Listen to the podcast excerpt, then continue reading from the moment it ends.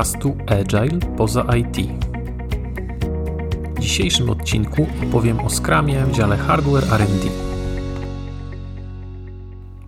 Czym rozwój sprzętu różni się od rozwoju oprogramowania? Prawie wszystkim.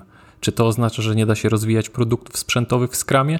Da się i jest kilka firm, które są na to świetnym dowodem.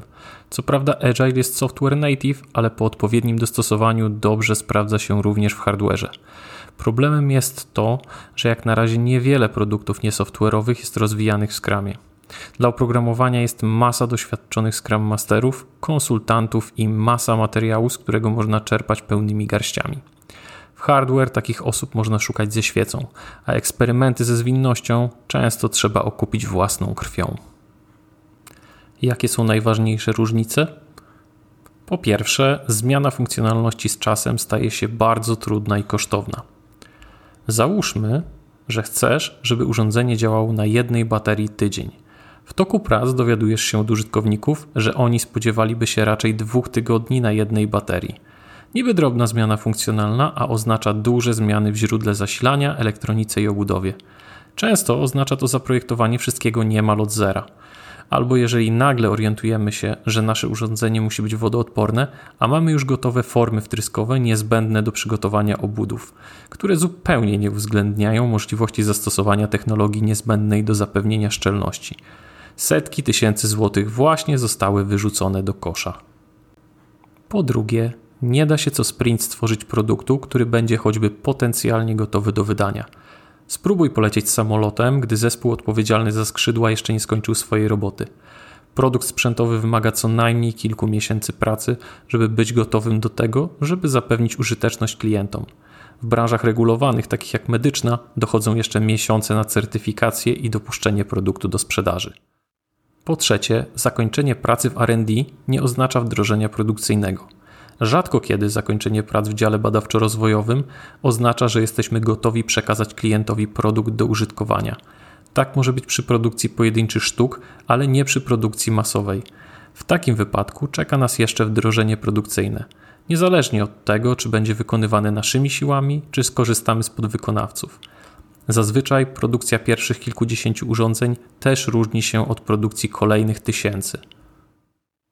Po czwarte, testowanie produkty z użytkownikami jest trudne. Skoro pierwszy sprzęt, potencjalnie gotowy do przekazania użytkownikom, dostaniemy dopiero po kilku miesiącach, to jak możemy wcześniej testować nasz produkt? Bo chyba nie muszę nikogo przekonywać, że rozpoczęcie testów dopiero w tym momencie nie jest najlepszym pomysłem. Jest na to kilka sposobów, o czym za chwilę. Po piąte, błędów czasami nie da się naprawić. Trzeba zrobić na nie obejście. IT powszechnie stosowane są obejścia dla znanych problemów, ale najczęściej jest to rozwiązanie tymczasowe do pojawienia się kolejnej wersji produktu lub wypuszczenia łatki.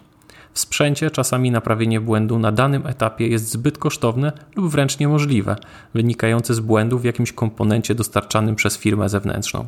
Warto więc mieć świadomość takich obejść i prowadzić ich spis. Po szóste, jest bardzo dużo zależności zewnętrznych, wewnątrz firmy i poza nią, których nie da się łatwo usunąć. Duże firmy, które tworzą wiele podobnego do siebie sprzętu, mogą pozwolić sobie na zakup wszystkich niezbędnych technologii i zatrudnienie ludzi ze wszystkimi niezbędnymi kompetencjami. W mniejszych firmach i w firmach, w których technologie wykorzystywane w produktach bardzo się różnią, niemal nigdy nie uda się zgromadzić wszystkich technologii u siebie. Po siódme, aby stworzyć produkt hardware'owy, potrzeba wielu różnych specjalistów i wielu różnych kompetencji. Wiem, że w IT również bywają zespoły, które wymagają wielu kompetencji, ale i tak zazwyczaj udaje się zbudować cross-funkcjonalny zespół ograniczony do 9 osób, który może faktycznie zrealizować produkt od pomysłu do wdrożenia. W hardware jest to możliwe tylko przy naprawdę nieskomplikowanych produktach lub wspierając się w dużej części podwykonawcami i składając tylko wszystko w całość. Po ósme, wiedza w skramie wśród inżynierów poza IT jest niemal zerowa. Kiedy w IT przychodzi do pracy nowy inżynier, to niemal na pewno miał styczność ze Scrumem. Gdy w hardware'ze do pracy przychodzi nowy inżynier, to prawie na 100% nie miał styczności nie tylko ze Scrumem, ale również z ideą zwinności.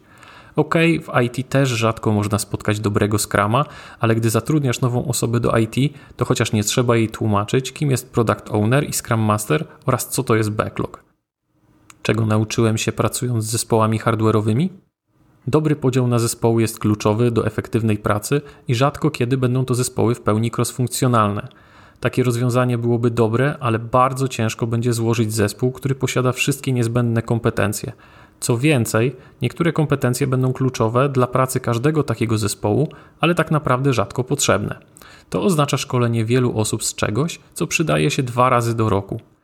Innym problemem jest konieczność stworzenia gildii dla każdej z takich specjalizacji, aby osoby te mogły wymieniać wiedzę i doświadczenia przy różnych projektach.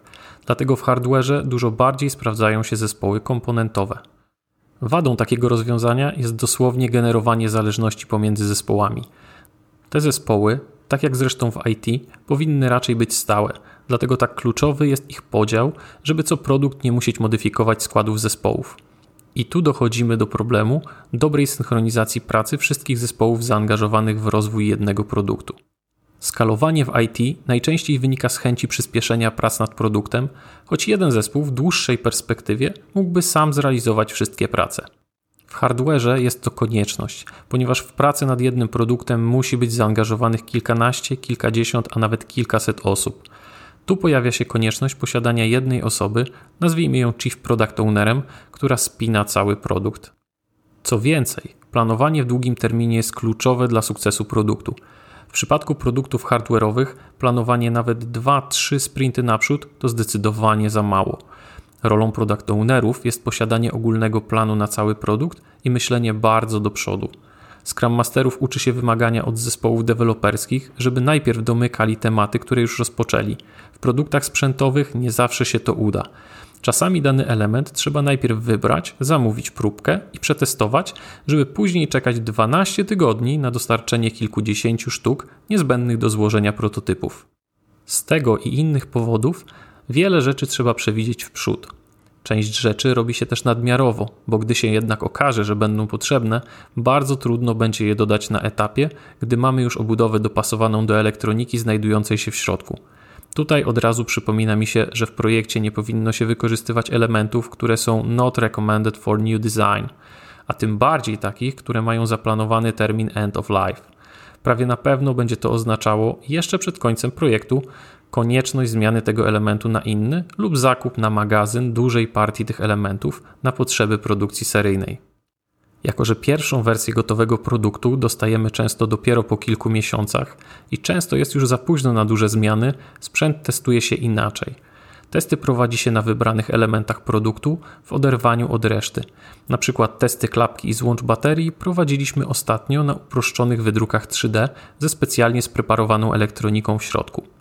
W testach z użytkownikami wiele rzeczy się fejkuje, przykład drukując ekrany czy symulując reakcję na dotyk lub ruch. W IT też jest to dość popularne, ale tam raczej są to tylko wczesne prototypy, a w hardware jest to na porządku dziennym, nawet w późnych fazach projektu. A testować trzeba, bo wiele założeń technicznych może się okazać błędnych. Kto by na przykład pomyślał, że nadruk UV na poliwęglanie ma dużą trwałość, a z polietylenu można go zdrapać paznokciem. Nie wszystko da się sformułować w formie historyjek użytkownika i nie każde wymaganie może przynosić bezpośrednią wartość użytkownikowi. W ten sposób można rozwijać firmware i software, ale już nie hardware. Wymagania różnią się też istotnie od siebie, dlatego większość wymagań znajdziemy w kryteriach akceptacji, a tylko niewielką wspólną część w Definition of Done. Część wymagań będzie bardzo techniczna i będzie wymagała wiedzy fachowej. Jasne, zawsze można zostawić product ownerowi tylko wizję i spięcie całości, a zespół deweloperski zaprząc do tworzenia wymagań, ale zazwyczaj się to nie sprawdza. Dlatego w zespołach sprzętowych w roli product ownerów dużo lepiej sprawdzają się inżynierowie. Zdarza się, że łączą w ten sposób pracę product ownera i dewelopera, jednak i tak kończy się to na tym, że praca PO wypełnia im niemal całe sprinty. A sprinty te będą raczej dłuższe niż w IT. Większość zespołów w IT, które widziałem, pracowało w dwutygodniowych sprintach, rzadziej w jednotygodniowych. Sprinty dłuższe niż dwutygodniowe w software'ze to obecnie rzadkość.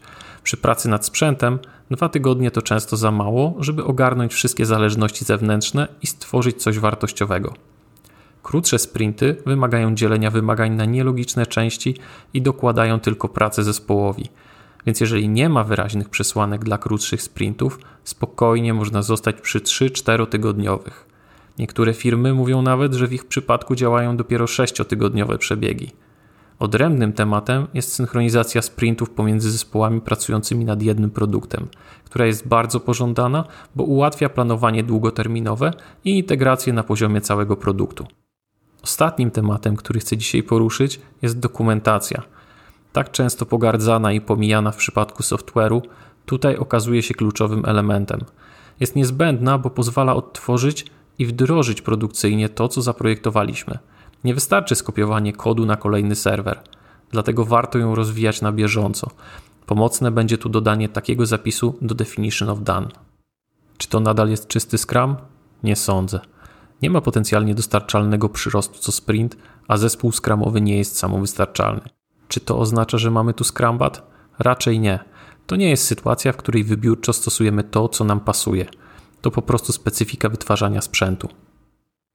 Jeżeli chcesz wdrożyć Scrum w zespole hardware'owym, to weź pod uwagę te rzeczy, a także to, w jakiej branży działa Twoja firma. Inne elementy okażą się kluczowe w branży automotive, a inne przy produkcji zabawek dla dzieci. Na decyzję wpływ będzie miała także wielkość produkcji, jednostkowa lub masowa, a także sposób samej produkcji, manufaktura, produkcja własna, a może zlecona do realizacji w fabryce w Chinach. To jest podcast Agile poza IT. Do usłyszenia w kolejnym odcinku.